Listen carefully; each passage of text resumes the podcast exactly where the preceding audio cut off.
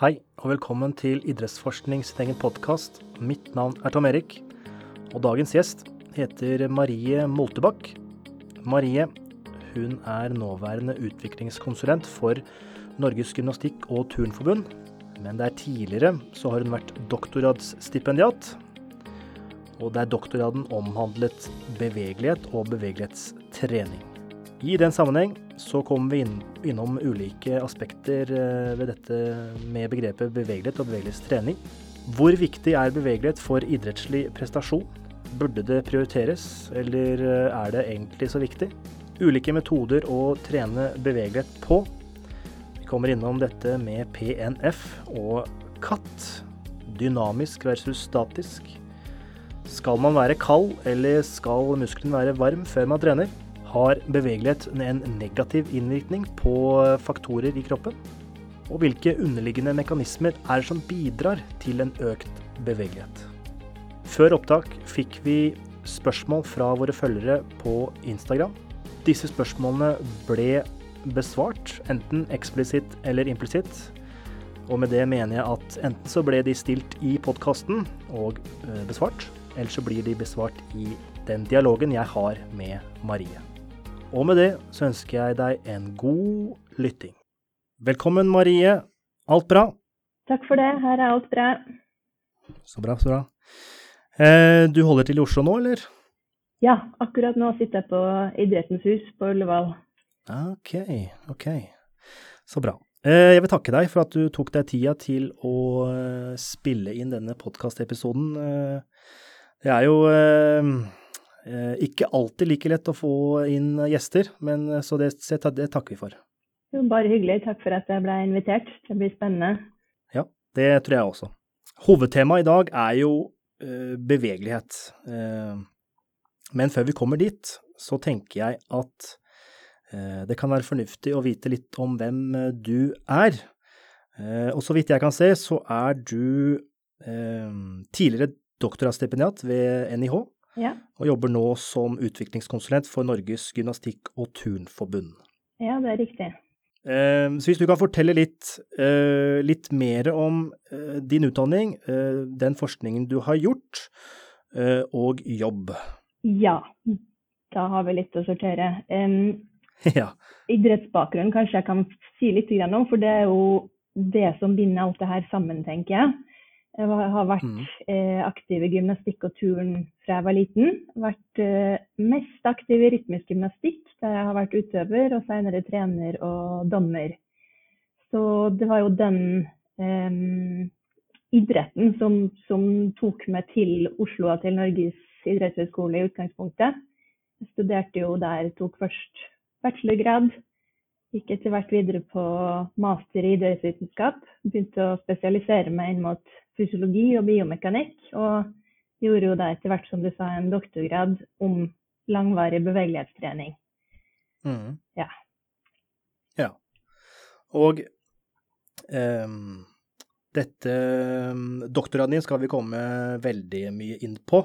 Mm. Men din nåværende stilling som utviklingskonsulent for uh, Gymnastikk- og turnforbundet, hva, hva, innebærer det? Jo, eh, den stillingen som jeg har nå, eh, sentreres rundt utdanning, eh, og hovedsakelig trenerløype, som er eh, kjernen i trenerutdanningen i Norges idrettsforbund. Der vi da sitter en liten gruppe her på Norges gymnastikk- og turnforbund og lager utdanningskonsepten utdanningskonsepter for våre, våre aktiviteter, da, altså ulike greiner innen gymnastikk og turn. Så vi har jo noen rammer som kommer fra NIF, så klart, og så definerer vi da ut fra det hvilket innhold vi vil at våre fremtidige trenere skal gjennom på trener 1, trener 2, trener 3. Generelle deler og spesielle deler på hver grein. Så utvikler vi kurs. Og så passer vi på eh, trenerutviklerne våre at de er godt forberedt til å dra ut og holde kurs for oss. Riktig. Og hva er hovedhensikten her? Altså hva er det, hva er det som dette bidrar til som ikke har vært tidligere? Oi, du er ganske, egentlig ganske ny i den jobben her, så jeg har ikke sånn kjempegod innsikt i hva som har vært tidligere, eh, annet enn at jeg har tatt min egen trenerutdanning i Turnforbundet for veldig mange år siden. Så, så, det beste jeg kan gjøre da, er å sammenligne litt det som, det som jeg opplevde da, kontra det som jeg jobber med nå. Og eh, Fokuset er nok større nå på å se helheten i trenerrollen. Altså, du skal ikke bare forstå eh, den tekniske løsningen og hvor lange intervaller du skal springe osv., men, men, men trenerrollen som helhet med, med pedagogikk og, og, psykologi og eh, ja, større perspektiv. Eh, enn det som jeg lærte, i hvert fall, da jeg var ung eh, trenerspire. Ja, ja. Så mer, en mer holistisk eh, tilnærming? Det vil jeg absolutt si. Det er jo Det går også veldig igjen i ja, egentlig alt av trenerutdanning og skoleverket, der holistisk tilnærming blir mer og mer mer Hva skal jeg si? Mer forekommer. Verdsatt, kanskje? Verds, verdsatt, ja. Det er et bedre ja. ord. Mm, og samtidig så er jo en av mine roller i, den, i det arbeidet som vi gjør i, i gymnastikk og turn, er jo da å forsøke å forankre det vi gjør idrettsfaglig. Altså at man, man formidler eh, kunnskap om, om, trening og læring eh, som er forskningsbasert, i den grad det er mulig. At man ikke bare baserer seg på dette dette gjorde vi før, så det kan vi fortsette med. Eller dette gjør den beste i verden, så det passer sikkert for oss også. At man eh, benytter seg av gode kilder og, og er litt kildekritisk. Og uh, hvor stor åpenhet er det i, i gymnastikk- og turnmiljøet? Er de åpne for nye impulser, eller er det tradisjonen som står sterkt? Eh, interessant spørsmål, egentlig. Jeg vet ikke om jeg har kjempegode svar på det. For nå er det stort sett ikke meg selv som er der ute og formidler våre kurs. Vi sitter jo her og, å produsere materiellet og lære opp dem som skal holde kurset. Og så har vi jo gjennomført et pilotkurs nå i høst, faktisk, på, ja. på trener 2-kurs, som jeg har vært med på. Men det er første gang jeg har vært med på å holde trenerkurs på veldig, veldig mange år. Så så dem som var til stede der, var i hvert fall svært mottagelig både for, både for holistisk tankegang og for eh, å forsøke å forstå seg på den litt mer forskningsbaserte detaljene i biomekanikk og fysiologi som jeg kom med. Da. Så det var, jeg hadde et positivt inntrykk der, i hvert fall. Så ja, ja. verden er på vei videre. Det, det, er godt å høre. Og det er, det er jo Jeg tror i mange idretter så er det litt sånn dette har vi gjort før, eh, dette er tradisjonsmessig, dette er det en trener som, uttalt, eh, som har uttalt eh, før, eller det, det var det han gjorde som spiller eller utøver, så det er sånn vi også gjør det nå i dag. Men heldigvis får jeg inntrykk av at forskning og dataanalyser og det vi får ut av forskningen, blir mer og mer verdsatt, og praktisk eh, applied, jeg vet ikke hva norsk ord er for det, men brukt, da. Anvendbart, kanskje? Anvendbart, ja. Mm. ja. ja. vi ønsker jo også å komme dit, og jeg har jo inntrykk av at veldig mange av idrettslegene våre også har skjønt at de har eh, utbytte av å sende sine trenere eller trenerspire på kurs og komme hjem eh, og, ser at de får med seg god kompetanse som løfter kvaliteten på det man gjør hjemme i klubben. Ja. Ja. Så vi har stor pågang på å få lov å ta våre kurs nå. Det er meget bra. Eh, doktorgraden din, som du snakket, nevnte litt om, eh, eh, omhandler bevegelighet. Kan du fortelle litt om eh, mer om innholdet i din doktorgrad? Ja, jeg kan si litt om bakgrunnen for det først. Fordi som jeg nevnte, så kommer jeg fra gymnastikk og turn og har sett både egne utøvere og andre utøvere der, og hvordan man utvikler bevegelighet over lang, lang tid. Um, og da jeg begynte på NIH, så kunne jeg i grunnen alt om bevegelighet, syntes jeg.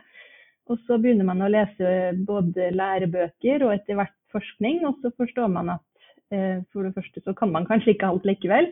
Eller de svarene man trodde man hadde, de finnes kanskje ikke der ute. Så fant jeg i grunnen at mye av det som var gjort på bevegelighetstrening tidligere, det konkluderte med at økning i bevegelighet stort sett skyldes bare toleranse. At man lærer seg å tåle mer smerte, og derfor så klarer man å gjøre et større bevegelsesutslag, og så strekke seg litt lengre.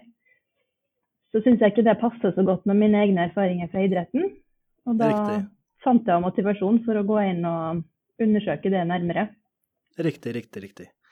Og hva var det du fant ut? Og så er det flere mekanismer enn smerte som, eh, som gjør at bevegeligheten eh, øker? Jeg har lyst til å si et rungende ja, og så har vi ikke dokumentert alt det som, som jeg kanskje tror på um, fullt og helt. Og det er jo alltid slik med forskning at man trenger mer enn ett studie som peker i én retning, før man kan si at sånn er det helt sikkert. Mm. Um, hvis vi skal bli litt tekniske, så Det må vi. Ja, det må vi. Ja. Uh, en, viktig, en viktig basis i mine forskningsprosjekt har vært uh, måling av lengde spenningskurve. Altså det betyr at vi putter forsøkspersonene våre i en maskin uh, som heter et isokinetisk dynamometer, for dem som kanskje driver litt innen bransjen. Ja. Og så spenner vi dem opp, og så er det da en motor på den maskinen som beveger f.eks. leggen til mm. eh, inn i en tøyning. Da. Og den maskinen den kan da måle både veldig nøyaktig hvilken leddvinkel vedkommende har, mm. og hvor mye motstand det beinet gjør mot den tøyningen. Så forsøkspersonen sitter jo i ro og får beskjed om å slappe helt av. Så måler vi den passive motstanden, eller sånn teknisk sett så heter det et dreiemoment. Ja. Og så uh, ser man hvordan det ut, utvikler seg, både gjennom en bevegelse og gjennom et langvarig treningsprogram, og fra person til person osv. Jeg veit ikke om den forklaringen ga mening, men du får bare spørre. Jo da, jo jo. Um, så den måler da uh, uh, ikke grader endring, eller det måler den også, men hvor mange ja. grader den er eh, i akilles, altså dorsalfleksjon i, i ankelen? Det, ja, altså vi visste jo fra før, eller tidligere forskning her også viste oss at hvis man gjør bevegelighetstrening litt ordentlig, så kommer man til å bli mer bevegelig. altså Vinkelen i ankelen, dorsalfleksjon f.eks., mm. eh, vil bli større ved å trene bevegelighet over tid. Så det var på en måte gammelt nytt. Det var fint at vi fikk bekrefta det ved våre målinger. Men i tillegg så målte vi da eh, hvor mye motstand det var mot å gjøre den bevegelsen. Det, den motstanden har sikkert mange kjent på hvis man har forsøkt å tøye en partner. At man, man flytter på et bein, og i grunnen går det ganske greit et stykke, men så kjenner man at det begynner å bli ganske tungt. Altså at man må ta i litt for å skubbe det beinet videre. Og da er ikke det fordi den personen sitter og holder igjen med sine muskler, men, men den passive motstanden i veven begynner å bli ganske stor. da. Riktig. Ja, det, det, kjenner jeg på hver morgen jeg skal ta på sokkene, så det er jeg godt kjent med. ja, Så det er den vi da har klart å eh, måle med et sånt dynamometer. Riktig. Og da måler dere kraft. Hvor mye passiv kraft eh, utøves? Ja, litt forenklet så kan vi si ja, kraft, kraft eller dreiemoment. Ja. Dreiemoment er jo en rotasjonsvariant av kraft. Men har dere også EMG-målinger, altså elektrisk eh, mm. Ja, men da på akilles? Vi har satt på i, i, hvert fall det største prosjektet mitt, så fester vi EMG-elektrode på de tre største musklene i leggen. Ja. Prognemius, to hoder av den, og på soleus. Og så målte vi da hvor mye aktivering det var i hver muskel gjennom en tøyning. For det er jo slik at selv om personen får beskjed om å sitte og slappe helt av, etter hvert som man kommer inn i en dyp tøyning, så vil det være litt muskelaktivitet som, som begynner å holde igjen. Så kroppen begynner å gjøre litt motstand mot bevegelsen, enten man vil eller ei. Det du ønsket å finne ut, var mekanismene på hvorfor eh, folk får en økt bevegelighet. Ikke at det bare skjer en økt bevegelighet, men mekanismene bak. Helt riktig. Eh, og hvis, når du da snakker om de passive eh, kreftene her i bindevevet, hva er det du egentlig snakker om da? ja, det dynamometeret, den maskinen som vi brukte, den fester vi jo bare på, på utsida av beinet. Um, så det måler jo bare motstanden som hele systemet gjør mot en tøyning. Så vi har ikke hatt mulighet til å skille mellom um, hvor store krefter som går i muskelfibre, intramuskulær bindevev, fascia, eh, sene osv. Riktignok har vi gjort noen tester i tillegg for å beregne senestivhet. Og vi har også brukt ultralyd for å se litt på hvordan muskelfibre endrer eh, lengde og vinkel osv. gjennom en tøyning. Men vi har ikke hatt anledning til å måle krefter i den forskjellige eh, veven. Og så så eh, etter langvarig, langvarig, bevegelighetstrening, hva er det som skjer med de faktorene du nettopp nevnte? Ja, så det vi gjorde var jo at vi gjennomførte den samme testen før og etter et langvarig treningsprogram. Vi kan sikkert komme tilbake til det treningsprogrammet. Ja. Um, men når man da gjør den samme testen og beveger ankelen eh, eller for så vidt hamstrings til den samme leddvinkelen, så fant vi at motstand mot tøyning, altså den passive kraften som du snakker om, den gikk ned. Okay. Samme bevegelse. Og muskelaktiveringen ble også lavere ved samme leddvinkel. Så om, om det bare er muskelaktiveringen som gjør at det blir mindre motstand, det vet vi ikke sikkert. Vi tror ikke at den utgjør hele forskjellen. Det kan være en del. Men det kan også være at det har skjedd noen strukturelle endringer i muskel-senesystemet uten at vi er i stand til å dokumentere helt eksakt hvilken del av muskel-senesystemet. Riktig, riktig. Og um, du snakka noe om endring i fibervinkel og fiberlengde. Men er det da mm. under selve uh, fleksjonen, eller er det, snakker vi denne kroniske effekten etter uh, disse ukene med trening? Ja.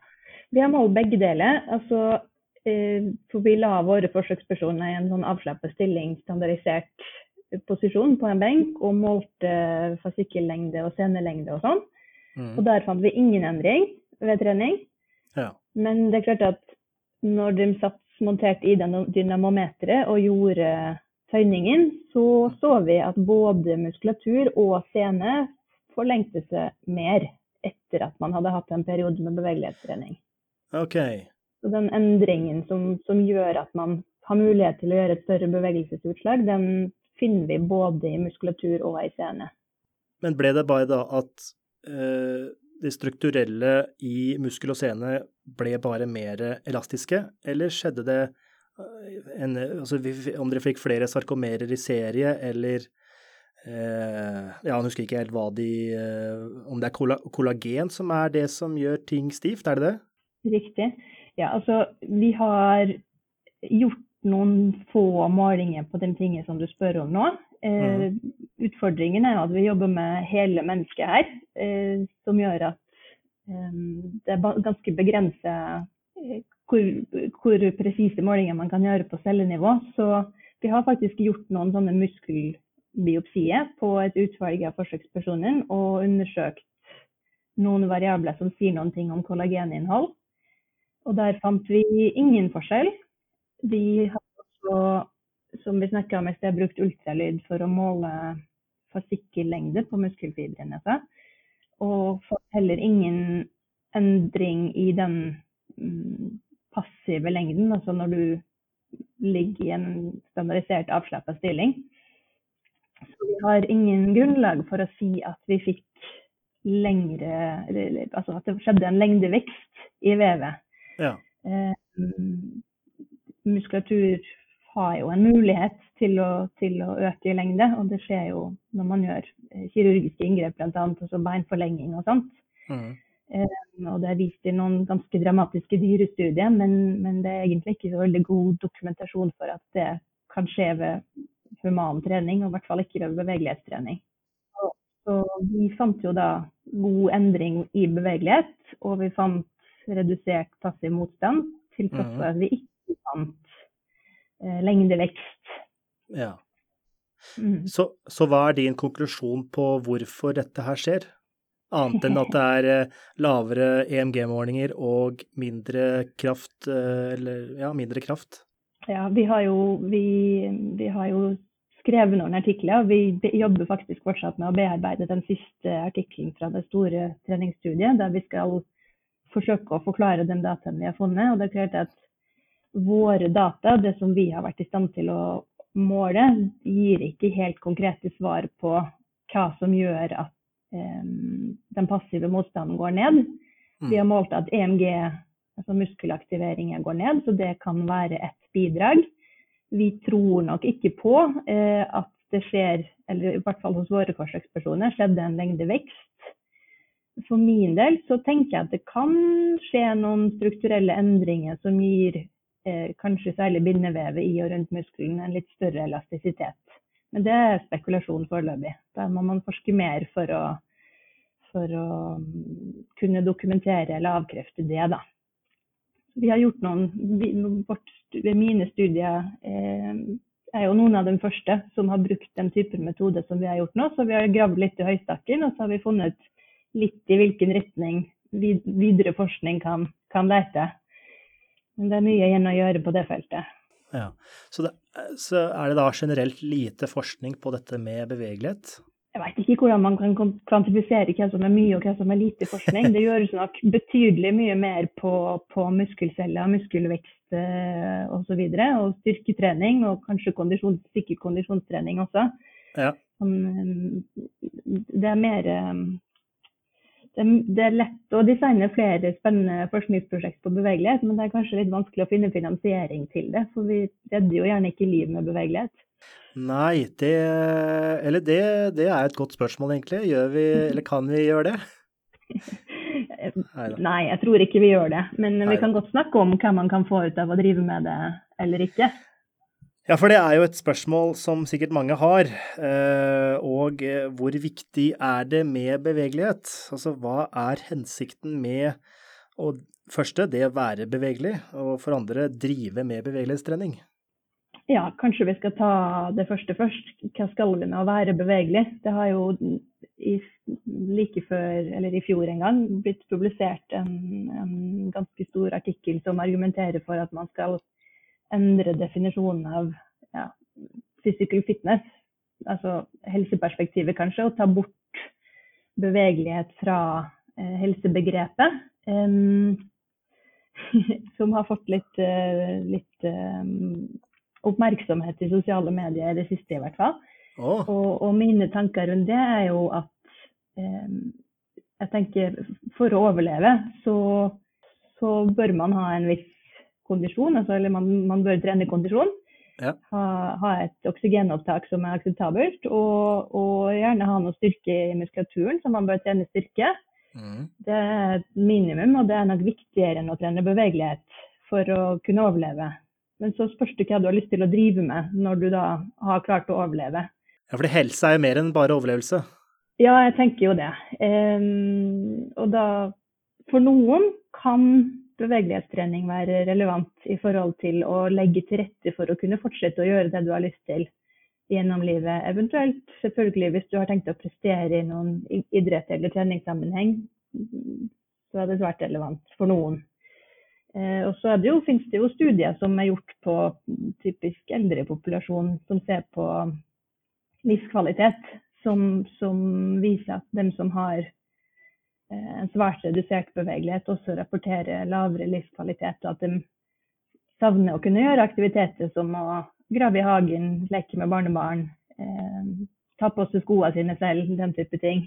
Gjelder det alle aldersgrupper?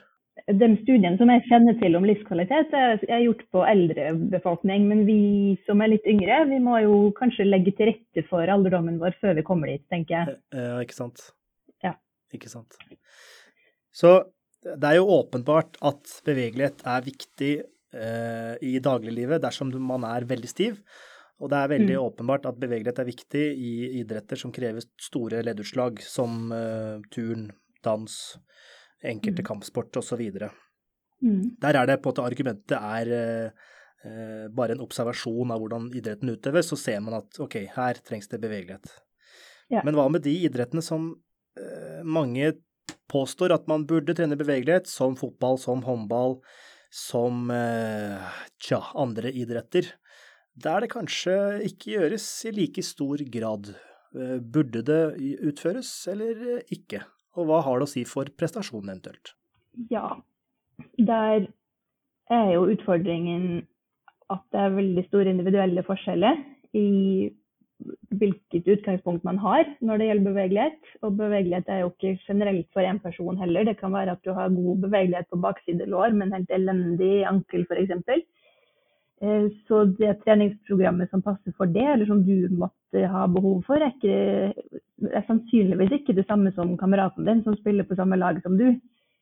Sånn at eh, egentlig for all idrett eller mosjonsaktivitet, så tenker jeg at man må ta utgangspunkt i hva er det aktiviteten krever for å gjøre den tekniske løsningen som man ønsker. Og hva er det hver enkelt person har slags kapasitet. Eh, hvilke ledd er det som eventuelt trenger noe mer, og hvilke er det det står bra til med. Og så må man lage et bevegelighetstreningsprogram deretter hvis det er noen steder det finnes mangler. Da. Og det er ikke sikkert at det gjør det i alle sammenhenger. Så for et helt fotballag å gjennomføre samme bevegelighetstreningsøkt, tenker jeg kanskje unødvendig, ja. Ja, riktig. Mer individtilpasset, det kan være relevant for Ja. en del av dem. Ja. Og det vil jo gjelde mange av de fysiske egenskapene og eh, både teknisk og taktisk osv. At det må idealiseres. Ja. Men det er spesielt én test, eller bevegelighetstest, jeg husker som på en måte sier noe om uh, Altså, når jeg ble presentert den testen, så ble det sånn Du har god bevegelighet, du har dårlig bevegelighet. Og det var en test, test av eh, hamstring, der du ligger på rygg, og så løfter du beinet strakt opp, det ene beinet. Og så hvis du da får beinet opp til eh, 90 grader, dvs. Si 90 grader fra bein til overkropp, så har du god bevegelighet. Har du under det, eller at det andre beinet løfter seg, så har du dårlig bevegelighet. Ja.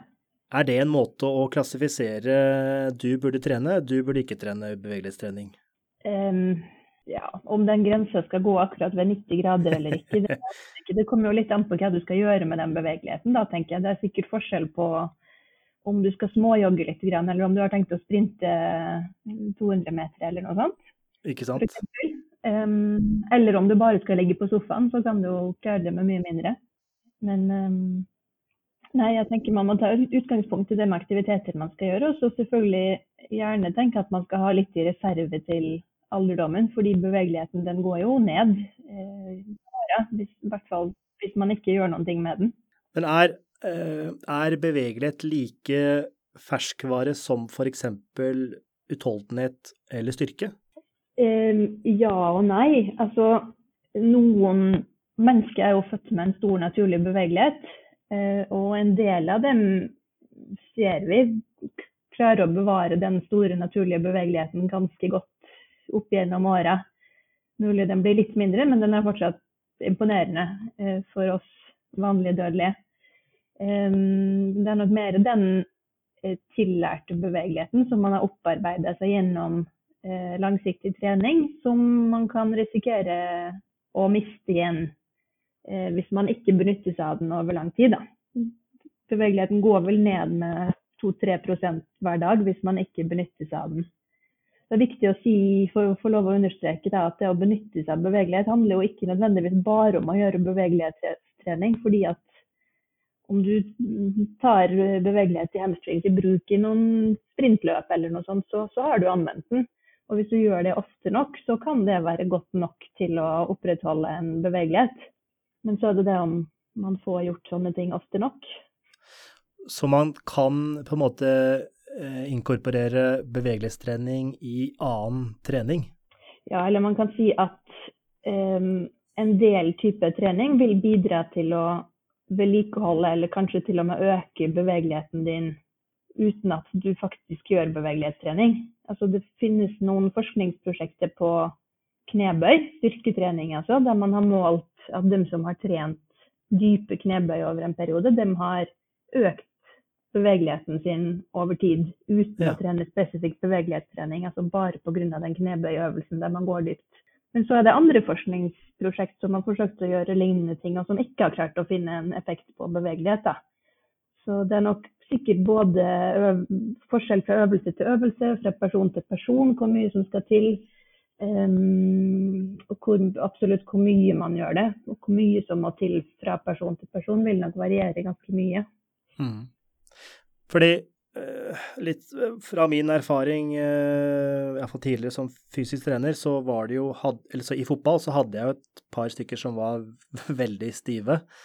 Ehm, og det er ikke sikkert at eh, de var i risiko for noe som helst, men de var fortsatt veldig stive og kunne f.eks. ikke kjøre enkle øvelser, eller enkle i, forsøk, eh, i hermetegn, uh, knebøy Mm. osv. Der jeg tenkte ok, men hva med eh, strak mark, altså strak markløft? eh, som tøyer på en måte hamstring en god del dersom man kjører nokså lang arbeidsvei, eller jobber seg ned eh, med en lang arbeidsvei. Kan det fungere på samme måte som det å kun trene bevegelighet for hamstring? Ja, det vil i hvert fall være et positivt bidrag. Og så er jo spørsmålet litt hvor mye tid man bruker i den eh, Strekkfasen? I strekkfasen, ja. Takk. Fordi at eh, for, for, å øke bevegeligheten sin over tid, så må man opp i et visst volum per dag eller uke. Og da snakker vi ofte om antall sekunder man skal holde og antall repetisjoner og sånn. Og hvis du kjører strakmark, så, så er det vel ikke så veldig mange sekunder per repetisjon at du er i den tøyningen. Sånn at jeg tenker at det vil nok helt sikkert ha et positivt bidrag.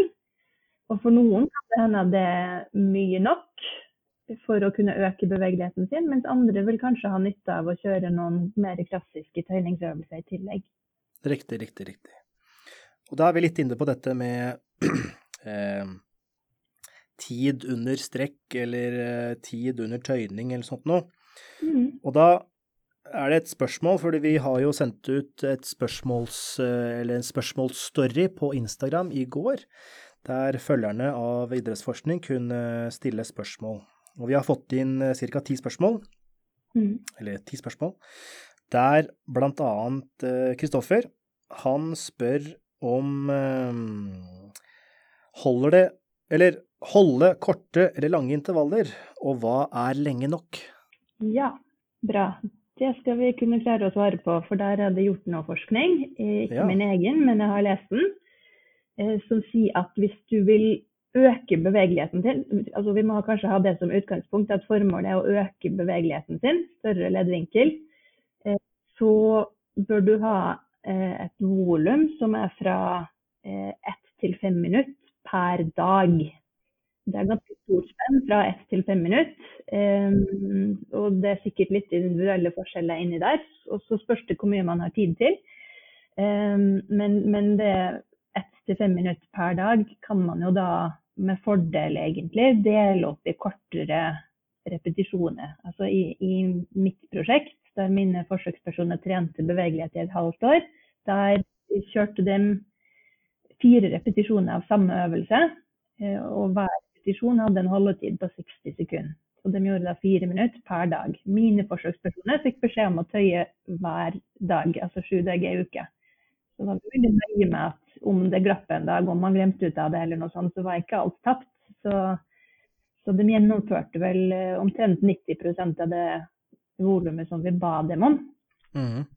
Man kan jo eh, oppnå fremgang med, i bevegelighet med betydelig mindre volum enn en det mine forsøkspersoner gjorde. Altså anbefalingen der ligger på i hvert fall tre ganger i uke for å øke bevegelighet, for å være sikker, da. Um, men i mitt prosjekt, der vi gjerne ønsker um, en tydelig effekt, en målbar effekt på den testen vi skulle gjøre, og innenfor et tross alt avgrensa tidsrom, så vil vi gjerne legge på litt ekstra for å være sikre på å få det resultatet vi så etter, da.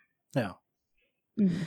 Så um, er det da, hvis vi tenker litt sånn uh, ukesvolum i form av minutter Én uh, til fem vil jo da variere mellom 7 til 35 minutter i uka.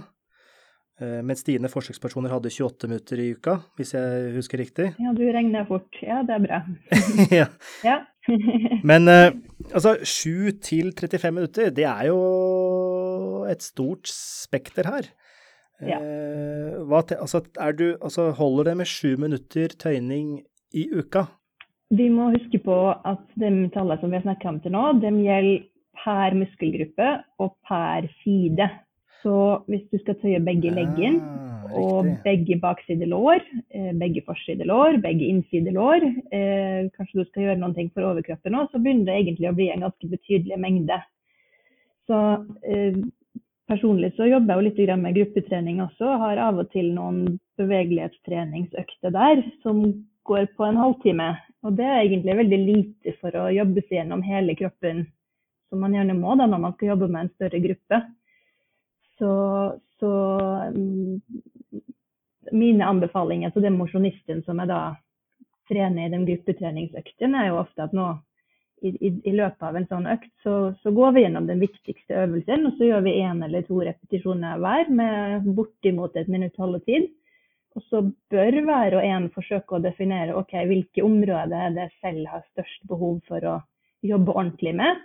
Og så ta med seg dem hjem igjen, rett og slett, og jobbe, gjøre noen flere repetisjoner av det samme på egen hånd. Det er jo derfor bevegelighetstrening absolutt bør individualiseres, fordi det er ikke mulig å definere de fem øvelsene som alle må gjøre, og så gjør vi alle dem fem ganger fire repetisjoner, og så blir det bra. For du bør kanskje, hvis du har 15 minutter tilgjengelig til bevegelighet, så må du helt sikkert bruke dem helt annerledes enn det jeg selv må gjøre. Riktig. Men er det, og det er viktig med individualisering, men er det noen muskelgrupper eller bevegelser som er mer utsatt enn andre, altså der vi er stivere enn eh, Altså, det å ikke klare en ekstensjon i albuen, det er vel svært sjelden. Vil si biceps blir aldri en begrensende faktor for bevegelighet i albuen. Det har jeg i hvert fall aldri vært borti. nei. Nei. Eh, så er det, er det hamstring og potensielt pectoralis major eller eh, gluteus osv. Er det noen som peker seg ut at her blir folk stive? Jeg pleier ofte å trekke frem hofteleddsbøyer, altså iliopsoas. Eh, så vi sitter veldig mye, mer og mer, eh, lange perioder av gangen. Og, og, den får lov til å slappe av og være godt, kort. Så, så å strikke litt på den um, tenker jeg de fleste kan gjøre med, med god samvittighet, og tenke at det, det har man nok utbytte av. Ja. Og hva er det en kort iliopsoas, hva er farlig med det? Om det er farlig, det vet jeg ikke, men jeg, Eller uheldig, da, kanskje? Det har jo noen ting å gjøre med steglengde, kanskje. Det har kanskje noen innflytelse på, på um, rygghelse potensielt, men dette er ikke helt mitt spesialfelt, så det er nok andre som kan mer om. Men um, det har jo noen ting å si for, for holdningen oppover i ryggsøylen, ikke sant. Ikke sant, ja. Mm. Vi har et annet spørsmål her som går, mer, går også på volum, men litt, på, eh, litt mer lang, langtidsmessig. Mm. Spørsmålet er fra, fra Joakim. Uh, hvor lenge bør man tøye på hver kroppsdel? Og i, i, og med at vi har svart på dette med minutter, så tenker jeg at vi spør heller om uh, hvor lenge i forhold til antall uker. Uh, eller ja. måneder, eller for å oppnå et mm. mål som det å ta spagaten, eller Om det er å få klare en knebøy eller eh, ja, hva som helst. Hvor lenge må man holde på for å få effekt? For å få en målbar økning i leddvinkel, som er det vi ofte bruker i forskning da, som et mål på at treninger har hatt effekt, så, så snakker man om at bort rundt seks uker med riktig volum osv., så, videre, så skal man kunne få en målbar effekt mine forsøkspersoner, den studien som jeg har gjort, har nok rapportert tidligere enn det. At de har følt at de har blitt mer bevegelige. Um, og så er det forskjell på den selvopplevde følelsen og det som vi klarer å måle med testmetodene våre. Da. Men um, man bør nok, man bør nok um, være litt tålmodig. Det, jeg opplever at det er mange som går i gang og skal trene bevegelighet, og så går det to uker, og så syns man ikke at man har oppnådd så mye, og så tenker man at nei, det virker ikke. Man må nok, må nok liksom tenke seg at uh, et par måneder bør man, bør man uh, investere uh, for å få betydelig fremgang. Da. Men hvis du skal gå ned i spagat, for noen vil det ta flere år å komme dit at man kan gå ned i spagat. Mm. Mens andre kan oppnå det i løpet av en måned. Det kommer jo veldig an på i hvert fall utgangspunktet, men også kanskje tilpasning til trening. Mm. Er det noen forskjell mellom jenter og gutter, eh, med tanke på hvor bevegelige de er, og hvor bevegelige de kan bli? Mm. Eh, I utgangspunktet så er jenter i snitt litt mer bevegelige enn det gutter er. Eh, men så er det jo veldig, veldig store individuelle forskjeller der. Men jentene har ofte et bedre utgangspunkt. I den forskningen som jeg har gjort, så var det ingen forskjell i framgang. Altså guttene hadde like bra fremgang som det jentene hadde. Jeg har heller ikke sett noen andre studier som har eh, pekt på at det ene kjønnet har lettere for å oppnå bevegelighet enn det andre. Mm. Men var det signifikant forskjell på eller ved pretest? I min studie, det kan jeg egentlig ikke huske. Eh, det var i så fall veldig lite. Vi gjorde ikke så veldig mye jente mot guttesammenligning, egentlig. Vi gjorde mer um, sammenligning før, før, trening og etter trening. Ja, mm. ja. Mm. Denne eventuelle forskjellen mellom jenter og gutter uh, før en treningsperiode, uh, hvis den eksisterer, og det, uh, det har du sagt at, at, det er en liten forskjell, skyldes det muskelmasse? Um, jeg tror ikke det, eller det, kom, det, er sikkert forskjell fra ledd til ledd. I noen ledd kan det hende at muskelmassen utgjør en, en, forskjell. Jeg tror nok det har kanskje mer å gjøre med, med kvaliteten på bindevevet og, og kvinnelige hormoner osv. Det er heller ikke helt mitt spesialfelt, men, men, vi måtte ta ganske store hensyn til svingninger i kvinnelig hormonnivå i mine studier. fordi at i løpet av en menstruasjonssyklus så, så endres hormonnivået på en sånn måte at det kan ha innvirkning på grad av bevegelighet. Oi! Oi, interessant. Hormonene påvirker bindevevet til å bli mer elastisk. Det har å gjøre med at vi skal føde noen barn, en del av oss. Ah, ja, ok. Mm. Wow, interessant. Så ja. uh, hvis jeg forstår deg riktig nå, uh, at man blir be mer bevegelig, altså kvinner blir mer bevegelig under menstruasjon eller utenfor menstruasjon? Husker faktisk ikke hvilken del av syklusen det er at man teoretisk sett skal være litt mer bevegelig.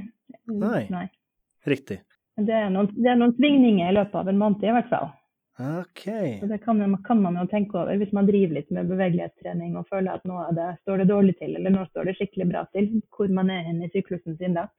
OK. Wow.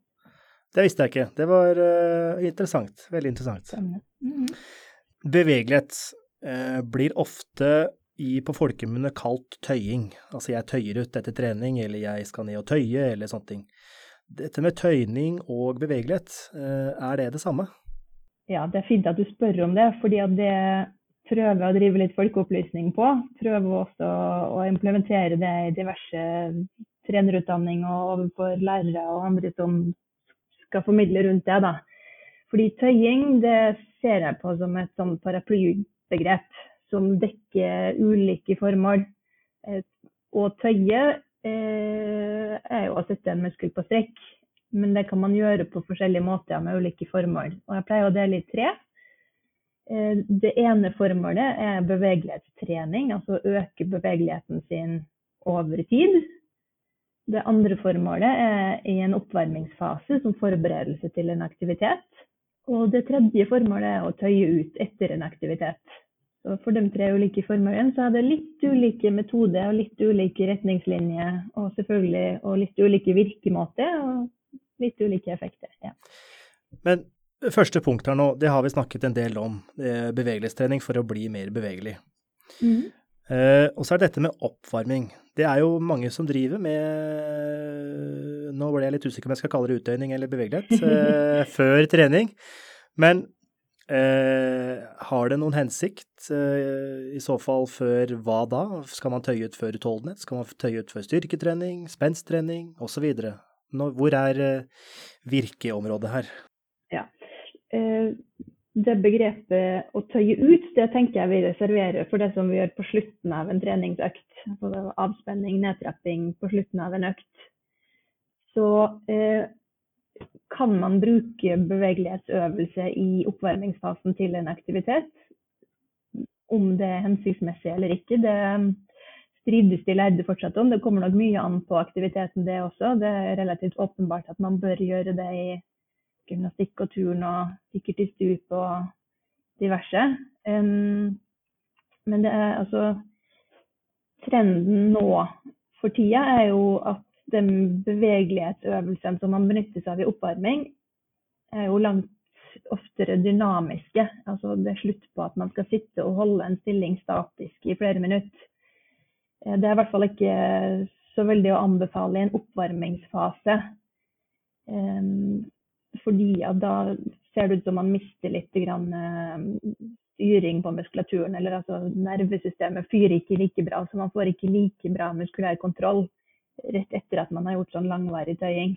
Men så kan det virke som at hvis man har gjort den mer dynamiske bevegelighetsøvelsen, eh, så kan man faktisk få økt eksplosivitet og spenst. Eh, I hvert fall i en kort tid etter at man har gjort disse her øvelsene. Så det er ganske i tiden. Noen kaller det for bevegelighet, bevegelighet, noen kaller det kanskje for mobilitet. Ja, Eh, der er også to begrep som jeg er litt usikker på hva betyr, eller hva er forskjellen Ja. mellom de. Ja. Det grunner på selv også iblant. Um, Ja. Og så har vi koordinasjon også, som kanskje i den andre enden, eller i fortsettelsen av det, ikke sant. Ja, ikke sant. Riktig. Men eh, tror du ikke det at uh, mobilitet er bare en uh, fornorsking av det engelske ordet mobility, og at uh, bevegelighet er mer et norsk ord for det samme? Um, jeg er helt sikker, det er helt sikkert sånn at mobilitet kommer fra mobility, og så på engelsk har man jo flexibility.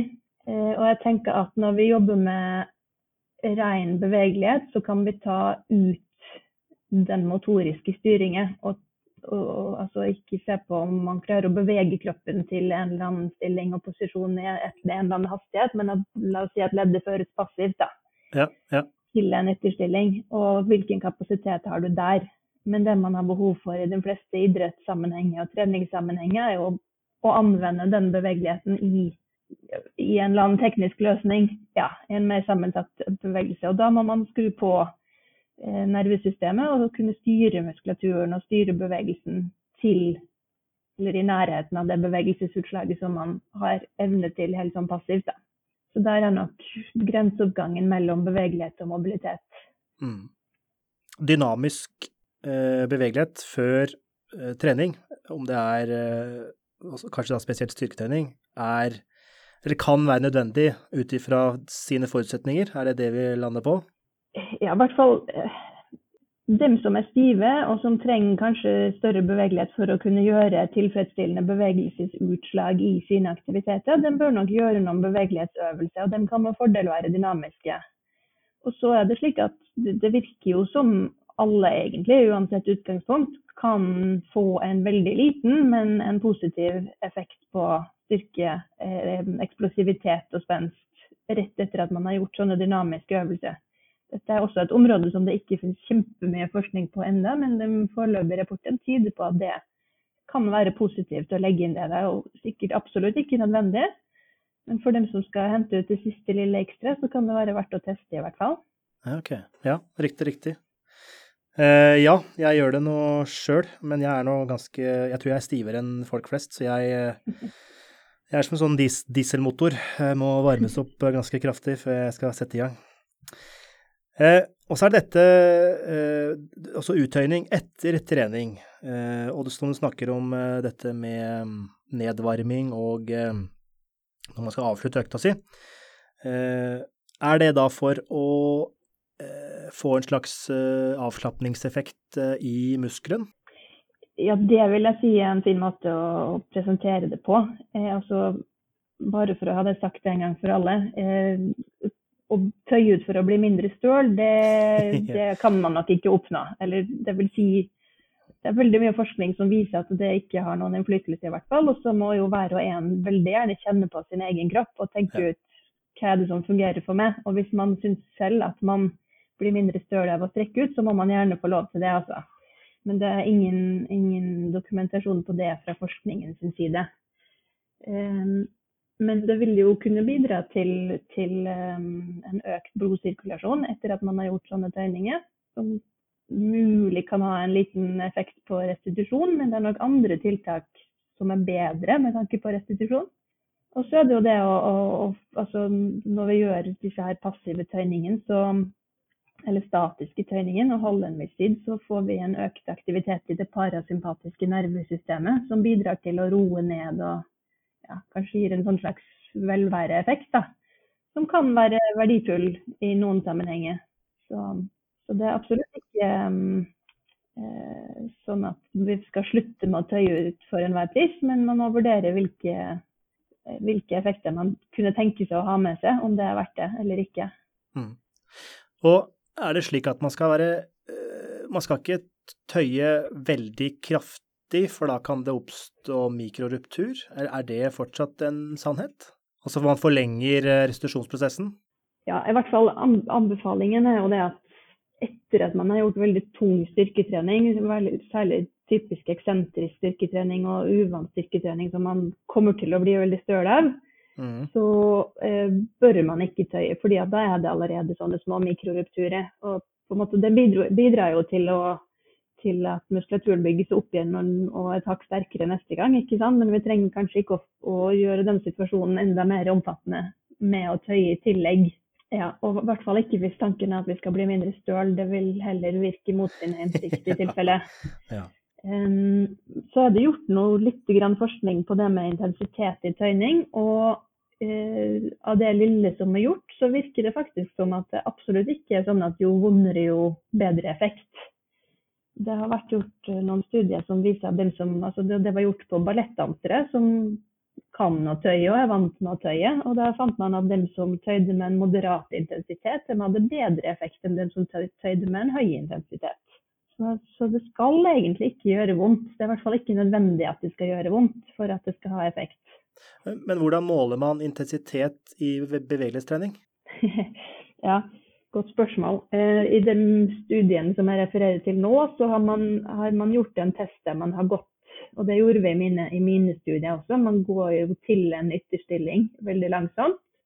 Så sier forsøkspersonen stopp, dette er det maksimale av det som jeg kan tolerere. Og så er det veldig forskjell i hvor mye motstand vi må legge på for å komme til den stoppen fra person til person. Men vi kan jo ikke vite helt hva de selv opplever. Så når man da skal angi hvilken intensitet skal man egentlig tøye ved, så tar man da en eller annen prosent av den leddvinkelen eller en eller annen prosent av den motstanden som man har målt i den testen. Da. Man går til 90% av leddvinkelen eller 90% av den passive motstanden eller noe sånt gjøre et laboratorium, men det er vanskelig å, å si det til et uh, håndballag nede på bane. Men kan man da bruke f.eks. Eh, en subjektiv skala à la Borg-skala? Med tanke på smerte? Ja, man, kan, man, kan, godt lage en sånn Det fins jo Vi måler ofte smerte med en sånn eh, 10 cm-skala. Eh, VAS-skala. Um, der man bare ikke har, noen, ikke har noen tall eller angivelser, men man bare setter en strek på en linje. Eller man kan for så vidt angi et tall fra 1 til 10 om man vil. Sånn som samme prinsipp som, som Borg, da. Men, men, det er klart at det Jeg, jeg veit ikke hvilke, hvilke, verdier Jeg tror ikke det var oppgitt i den studien som jeg kjenner til. Eh, om de opplevde 6 av 10 eller 8 av 10, det vet jeg ikke. Men det er uansett svært subjektivt. Men uh, man trenger ikke å tøye, tøye, så mye at man nesten er på gråten. Det er ikke nødvendig. Nei. Jeg pleier å si at uh, man skal kunne klare å slappe av. Hvis man oppdager at man sitter og anspenner seg eller biter tenner eller at det er vanskelig å puste rolig, så, så bør man heller gå litt tilbake og, og holde der i stedet. Ikke sant. Ikke sant. Ja. Mm. Det er jo uh, et begrep i bevegelighetstreningen som kalles, eller forkortes PNF. Ja. Eh, og innenfor der så har vi enda en forkortelse som kalles eh, KAT, eh, kontraksjon, avspenning, tøyning. PNF, det husker jeg ikke helt hva det står for, så her må du hjelpe meg litt. Men hva er dette? PNF, det står for proprioseptiv nevromuskulær fasilitering. Og det er veldig mange vanskelige ord for å uh, forklare mekanismen som man tenker at den metoden fungerer gjennom.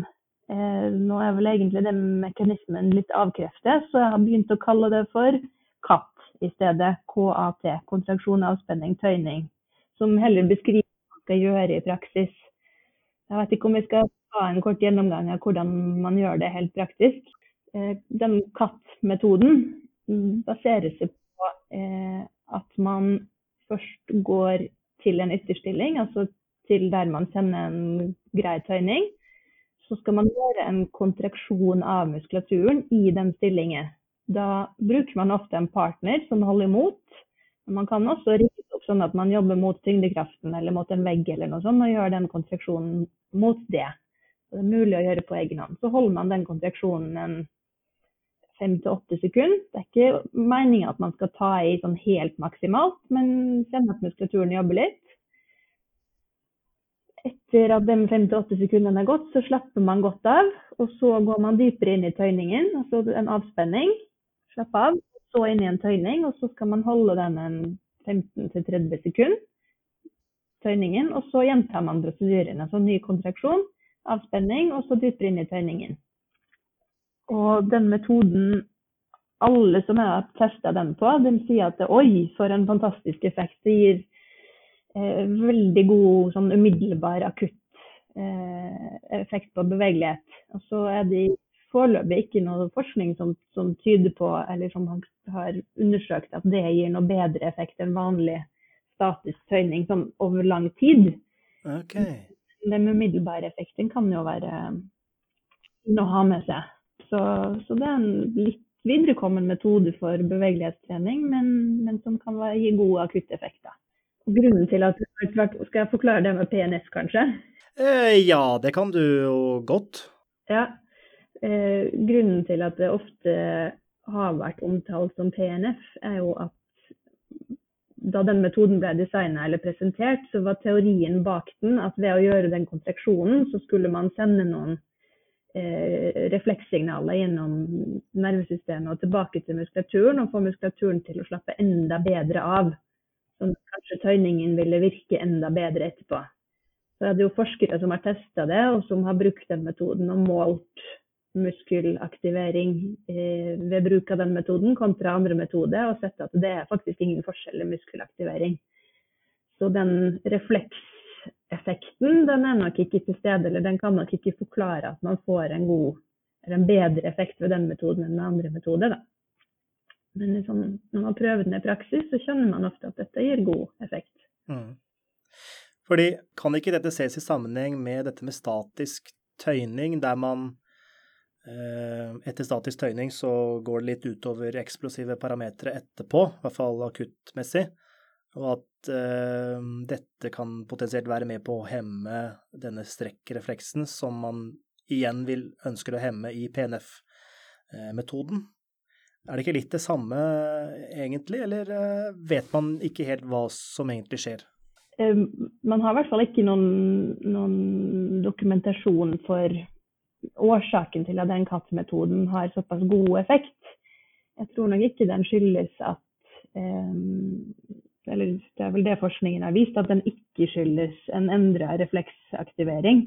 Um, sånn som jeg ser det, så men nå gjetter jeg bare, um, så tenker jeg at idet du gjør den kontraksjonen i ytterstilling, så gjør du jo muskulaturen kortere. Muskulaturen trekker seg sammen.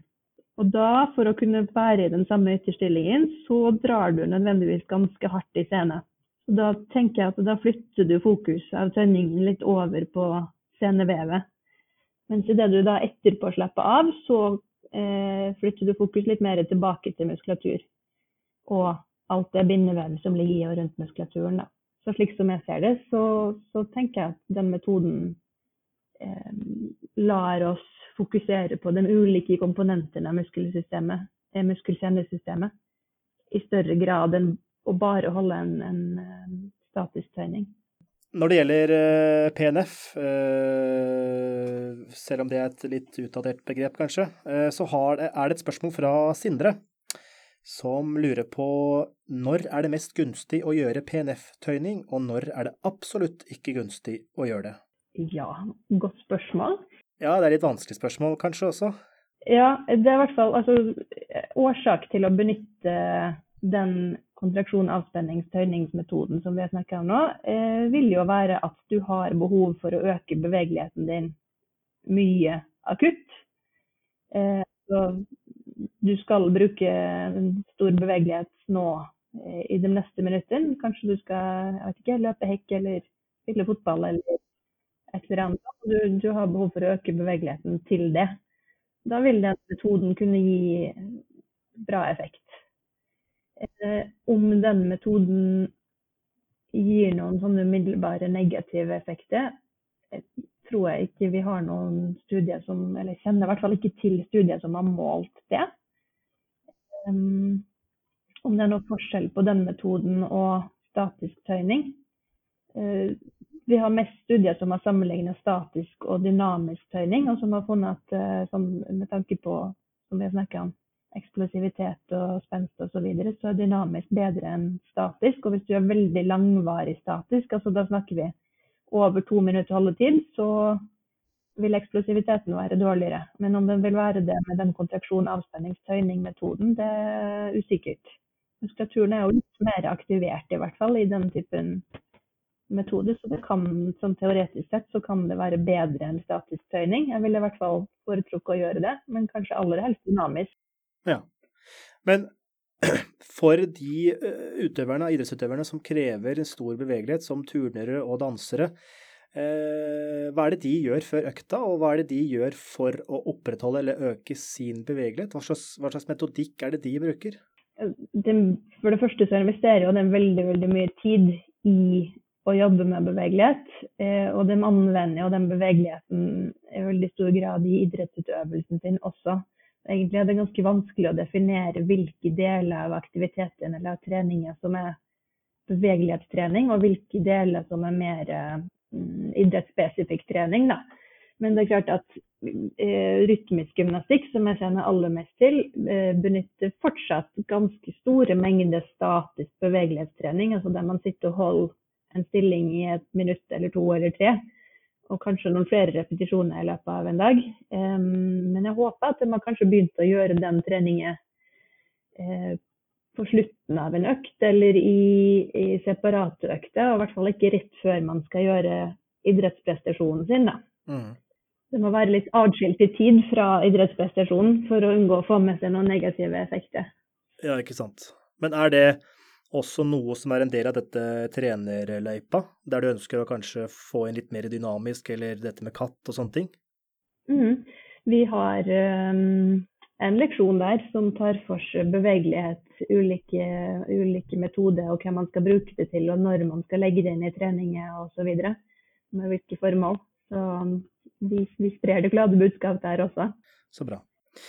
Vi tar et uh, følgespørsmål uh, på ny, og det handler om uh, og Det er egentlig et spørsmål som kommer både fra Kristoffer og Einar, som egentlig har spurt om det samme. og Det går på om man skal tøye eller drive med bevegelighet kald eller varm. Skal muskelen være kald eller varm, og må man varme opp for å drive med bevegelighetstrening? Ja, fine spørsmål. Det er alltid morsomt å diskutere det. Ja. Eh, korte svaret hvis du skal gjøre statisk bevegelighetstrening, så behøver du ikke å varme opp. Det kan du gjøre på stua foran TV-en mens du venter på bussen mens du sitter og scroller på Instagram eller det du måtte finne på, eh, uten at det eh, er noe skadelig. Det er rolig bevegelse du gjør, du har kontroll. Eh, det er heller ingenting som tyder på at du får noe dårligere effekt av den treningen ved å gjøre den uten oppvarming. Jeg er ikke så grei å kalle det for kald muskel og varm muskel, fordi at uh, forskjellen er da eh, 37,5 grad mot 38-39. Altså, det er ikke så veldig, veldig store temperaturforskjeller. Det er klart at Den forskjellen utgjør jo en økning i bevegelighet. Altså man er varm, eh, mer bevegelig når man er varm. Eh, men det er jo eh, en kortvarig effekt som skyldes temperaturendringer. Og om du gjør det bevegelighetstreningsstimuli varm eller kald, det, i hvert fall det som er vist til nå, ser ikke ut til å ha betydning. Hadde hadde muskelen vår vært null grader, så hadde vi vært forsiktige med å tøye på den. Men det er relativt varm allerede. Så, men når man skal gjøre dynamisk bevegelighetstrening, som er mer eh, høyere tempo og litt vanskeligere å kontrollere, så bør man ha en, en generell oppvarming før det. Riktig, riktig. Vi tar et nytt spørsmål, vi. Uh, og det gjelder også ja, for så vidt enten oppvarming eller avspenning. Det brukes jo begge deler, har jeg sett. Men uh, dette med foam roller og massasje, uh, har det noen påvirkning på bevegeligheten? Et spørsmål fra Torvald. Nei, Toralv. Ja, um, det temaet var veldig i vinden for noen år siden. Da jeg har undervist en del på fysioterapistudiet, og da fikk jeg masse spørsmål om det for en fire-fem år siden. De lurte på om hvordan de kunne bruke den formråveren til bevegelighet. Eh, og nå har de helt slutta å spørre om det. For nå ja. Eh, lurer jeg på om man har skjønt at det er ikke noe sånn veldig magisk med den formråveren. Eh, kan, man kan nok bruke den på en måte som, som dytter og drar i, i bindevev og muskel-kjernesystem, sånn at bevegeligheten økes kortvarig. Men at det gir noe bedre effekt enn vanlig tøyning, det, det har jeg ikke sett noen indikasjoner på. Det er der man kommer inn på dette begrepet eh, eh, Hva heter det? Myofasiastimulering mm. eller uh, Release techniques. Ja, release-teknikk. Ja, stemmer. Altså, og enten om det er foam roller, eller om det er en albue eller en tommel der man skal trykke på et vondt punkt, eller trykke på altså, Har det noe for seg? Det, altså, disse her triggerpunktene er jo eh, et forskningsfelt i seg selv, egentlig. Eh, mm. Foreløpig så vet man egentlig veldig lite om dem. Det er jo egentlig litt tvil om den punktene finnes helt sånn fysisk. Man har ikke klart å vise hva disse her punktene er, så vidt jeg har fått med meg. Hvis det ikke har skjedd noen ting siste par månedene i hvert fall. Så altså, At vi har noen punkter som gjør ekstra vondt, det, det er det ingen tvil om. Men hva det er, eller om det hvordan det utarter seg helt fysisk, det vet vi ikke. og eh, det, det, gjør nok vondt å trykke på det, men du kan nok få en sånn avslappende effekt etterpå som kanskje kan gi noe avspenning eller noe sånt. Men eh, det er nok mer andre som kan enda mer om, tenker jeg. Men det er ikke noe utsatt verktøy i bevegelighetstrening, i hvert fall. Nei. Nei. Og det er jo, jeg tror det er av David Behm, eh, har vel en metaanalyse på foamrolling og som viser at det, at det ikke gir noe særlig effekt på, på, bevegelighet, hvis jeg husker riktig. Det er jo på en måte det er jo billig versjon av massasje. Um... Men her også, som du sa tidligere under dette med uttøyning etter eh, trening, her er det også individuelt. Hvis du føler at det hjelper, så mm. tenker jeg at folk eh, kan, kan, fortsette. Men at Da kan de få lov å gjøre det, men du behøver kanskje ja. ikke å prakke det på alle. Nei, ikke sant. Nei. Men det, det, kan være verdt å teste det og kjenne hvordan man, hva man syns om det selv. Men, men, det er vel litt sånn som med massasje også, at det gir en, en kortvarig eh, smertelindring, altså akutt smertelindring. Men på, på, sikt så er det ikke sikkert at det utgjør noen forskjell. Ja, ja. Og når vi er inne på dette med bevegelighetstrening og oppvarming og dette med foam rolling, massasje, så er det jo eh, blir ofte disse begrepene nevnt i, form, i sammenheng med forebygging av skader. Eh, og kan bevegelighetstrening være med på å forebygge skader? Mhm. Ja, det er også et stort spørsmål som forskningen sysler en del med. Det er heller ikke eh, et tema som jeg jobber med personlig i min egen forskning, men jeg har lest en del annen forskning om det. Mm. Um, og det er jo publisert en del store oversiktsartikler som tar for seg um, bevegelighetstrening som skadeforebygging, eller egentlig i det hele tatt all skadeforebygging. Eh, og det er vel en studie av Roar Bahr i hvert fall, fra, fra NIH, og noen andre kollegaer av han, som, som viser at altså helt statistisk at det er veldig vanskelig å dokumentere at den ikke som helst har skadeforebyggende effekt, fordi at for å få statistikken til å, til å, slå ut og vise at her har vi en effekt, så må du ha en ekstrem mengde skade.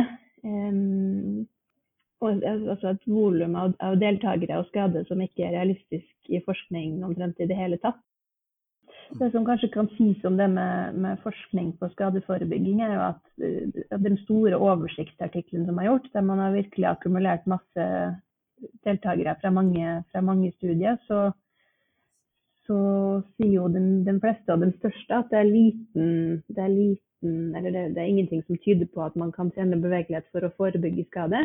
Mm. Eh, problemet med en del av den studien er jo at de har tatt med alle typer skade. Eh, altså, og, og, det er vel ikke alle typer skade um, vi forventer at bevegelighetstrening skal kunne forebygge. Kjører du i alpinbakken og er uheldig og krasjer i et tre, så hjelper det ikke at du har tøyd deg.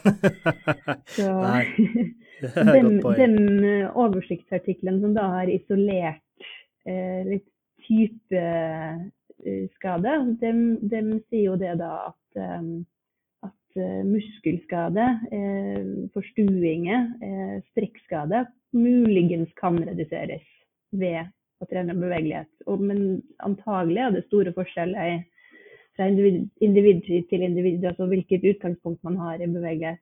Det, det er, det er, altså, Studien konkluderer med at vi har ikke nok informasjon verken til å anbefale å tøye eller til å fraråde å tøye for å forebygge skade.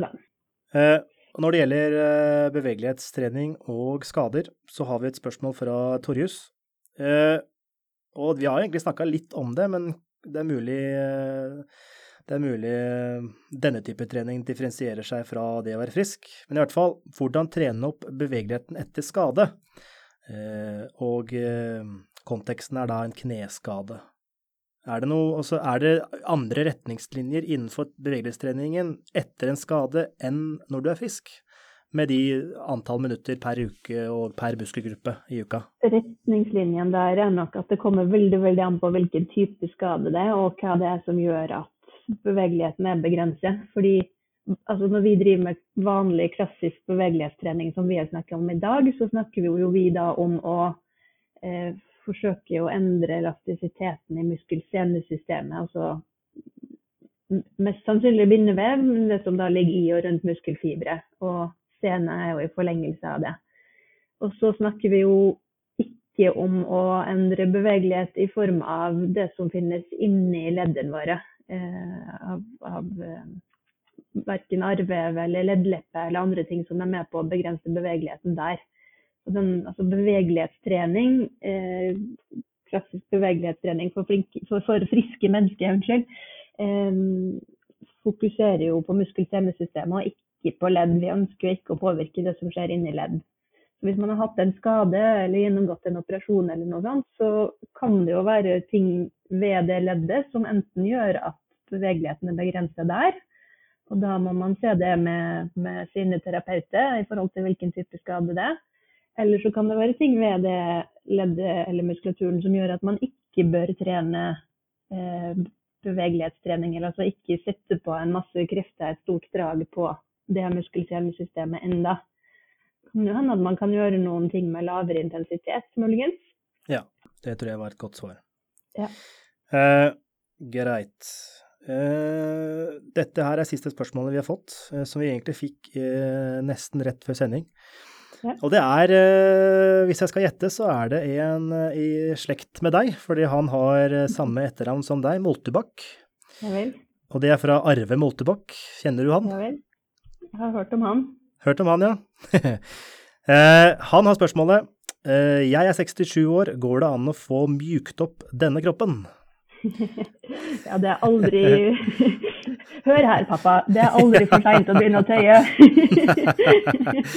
Nei da. Men eh, spøk, spøk til side, altså. Det er, det er aldri for seint å jobbe med å forbedre bevegeligheten sin. Og eh, det er nok antagelig slik at man har størst framgang i barne- og ungdomsåret. Men vi har også sett, og, og jeg har sagt at bevegeligheten går ned med alder. Eh, og det har jo litt å gjøre med, med strukturen på veven vår, som mister litt av elastisiteten sin etter hvert.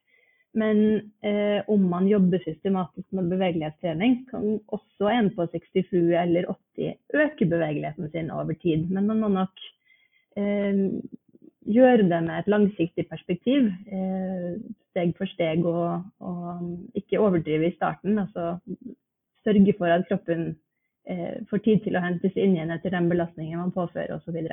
Så det handler om å utføre de samme treningsprinsippene uavhengig av alder, bare at man starter på et litt annet utgangspunkt, og at kanskje fremgangen ikke er like stor hos eh, enn hos en 20-åring eller 25-åring. Ja, jeg har i hvert fall ingen altså, Man kan jo spørre seg om man skal være enda, eh, enda mer forsiktig med å påføre store krefter når man er eldre, om, om veva er litt sprøere da, men det har jeg ikke nok informasjon til å si bastant at det, man må være forsiktig. Jeg tenker om at det handler mest om å, om å påføre treninger eller ny aktivitet egentlig gradvis. Det gjelder jo for alt, alt vi gjør. Ja. Bra. Eh, hva er dine fremtidsutsikter med tanke på jobb og forskning? Eh, per nå så har du jo litt forskjellige baller i luften, med kanskje hovedfokus på eh, trenerløypa og denne stillingen som utviklingskonsulent. Men uh, du har gjort en doktorgrad, og uh, hva, er, hva bringer fremtiden? ja, uh, det får vi se. Den tiden Ja. Sorry, det gjorde jeg ikke. jeg hadde ikke lyst til å si det. Nei da. Det, altså, det er jo veldig spennende å jobbe med forskning, men det er en veldig krevende prosess. Det tar ekstremt mye tid. Man må bortprioritere veldig mange andre ting. I perioder er det veldig ensomt arbeid ofte, fordi man må sitte mye for seg selv og knotte med tekst og med data og sånt uten å treffe andre mennesker.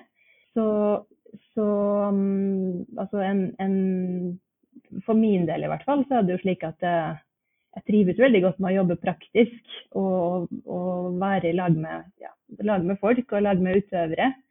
Så, så um, jeg kunne jo godt tenke meg å finne en måte å ja, sette forskningsarbeid i sammenheng med praktisk arbeid, kanskje. Vi har jo i Turforbundet satsing på våre konkurransegreiene nå.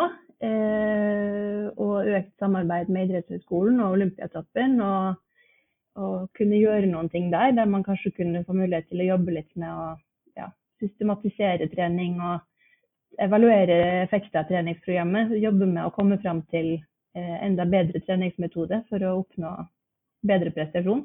Vil jo være ideelt.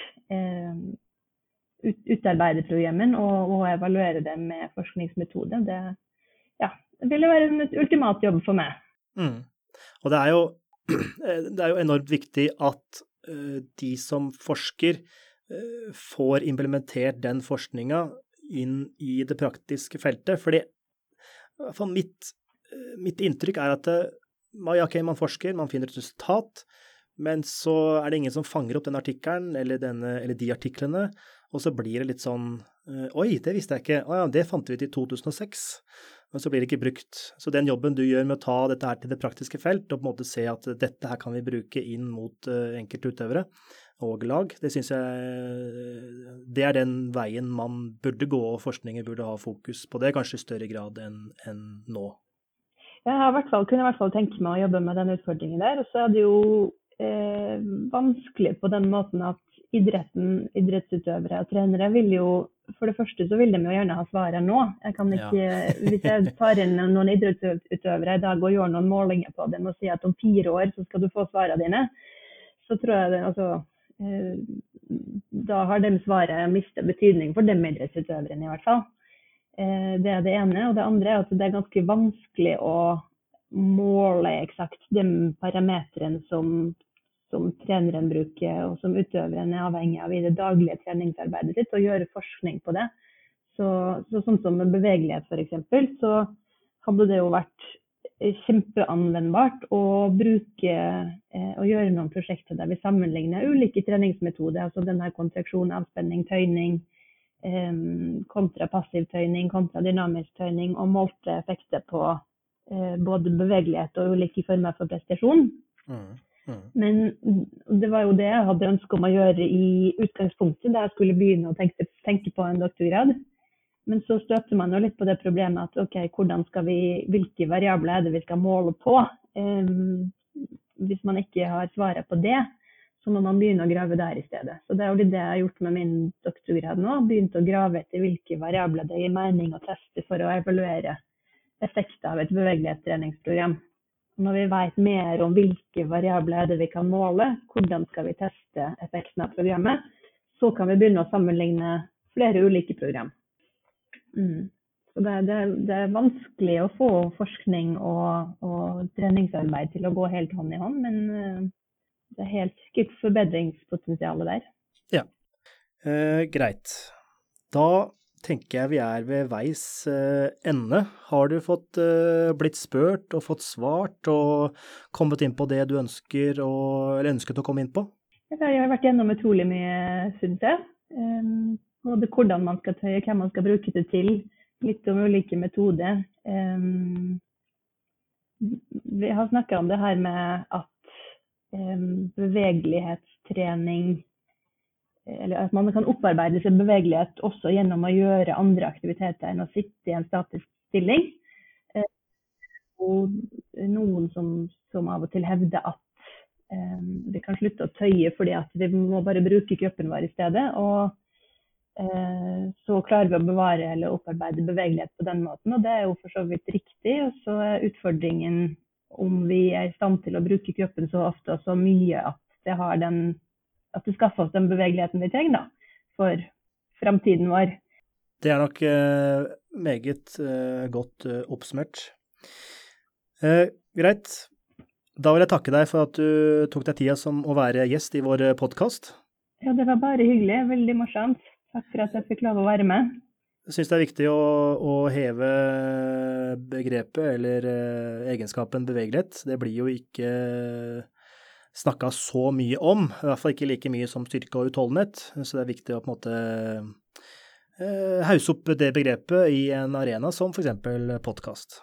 Veldig flott. Takk for det. Den er god. Takk for at du hørte på, og vi høres om litt.